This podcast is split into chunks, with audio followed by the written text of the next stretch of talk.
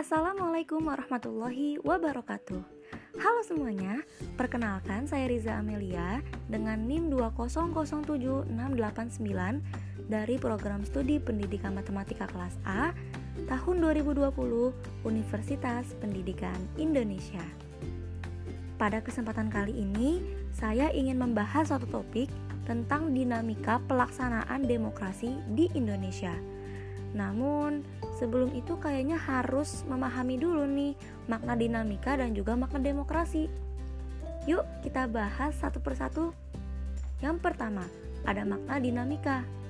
Kata dinamika berasal dari kata dynamics dari Yunani yang bermakna kekuatan. Dynamics is facts or concepts which refers to condition of change, especially to forces. Menurut Slamet Santoso, Dinamika berarti tingkah laku warga yang satu secara langsung mempengaruhi warga yang lain secara timbal balik.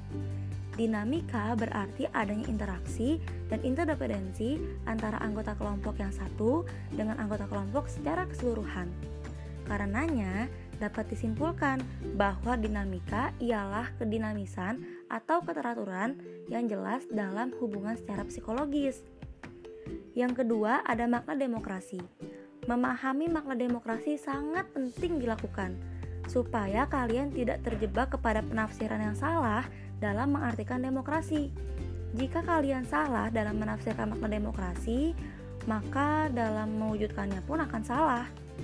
Kata demokrasi berasal dari dua kata loh dalam bahasa Yunani, yaitu demos yang berarti rakyat dan kratos atau kratein yang berarti pemerintahan sehingga dapat diartikan sebagai pemerintahan rakyat.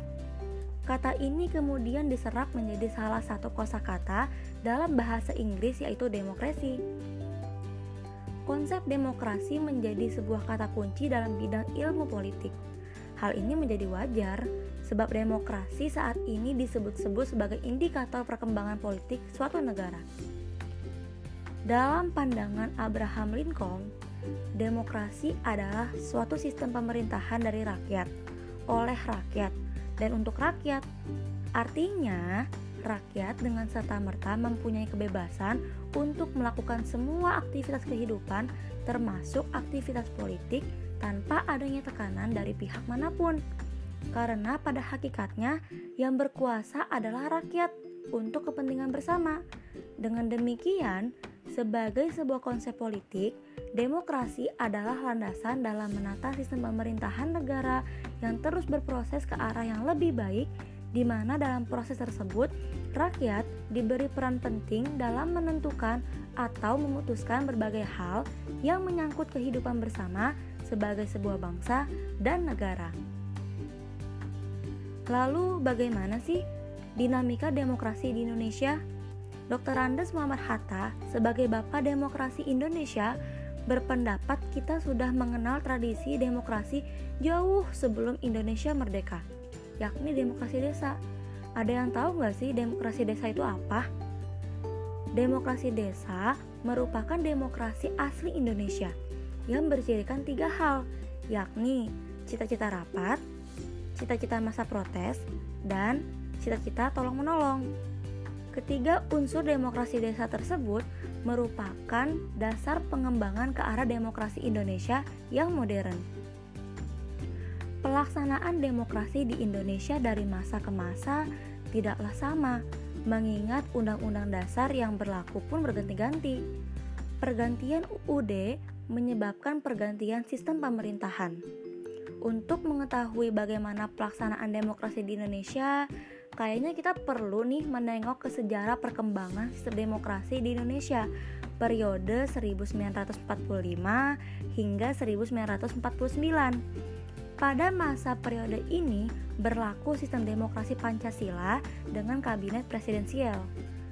Dan pada tahun ini, pemerintah mengeluarkan maklumat dan mengakibatkan sistem demokrasi diganti dengan demokrasi liberal dengan kabinet parlementer pada tahun 1950 hingga 1959, pemerintah Indonesia melaksanakan pemerintahan dengan sistem yang belum mengalami perubahan, yakni demokrasi liberal dengan kabinet parlementer ala Eropa Barat.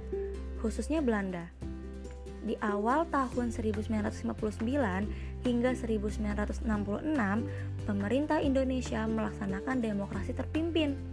Akan tetapi, karena adanya penafsiran yang salah terhadap demokrasi terpimpin, terjadi berbagai penyimpangan terhadap UUD 1945. Penyimpangan-penyimpangan tersebut antara lain MPRS dan DPR tunduk kepada presiden seumur hidup.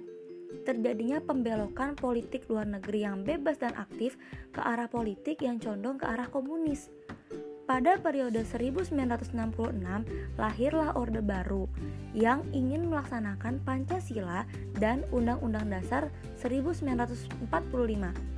Secara ideologi dan konstitusional, asas demokrasi Indonesia bersumber tata nilai sosial budaya bangsa. Gimana nih penjelasan dari saya? Kayaknya udah cukup nih. Kalau kayak gitu, saya pamit. Kurang lebihnya mohon maaf. Semoga teman-teman semua paham.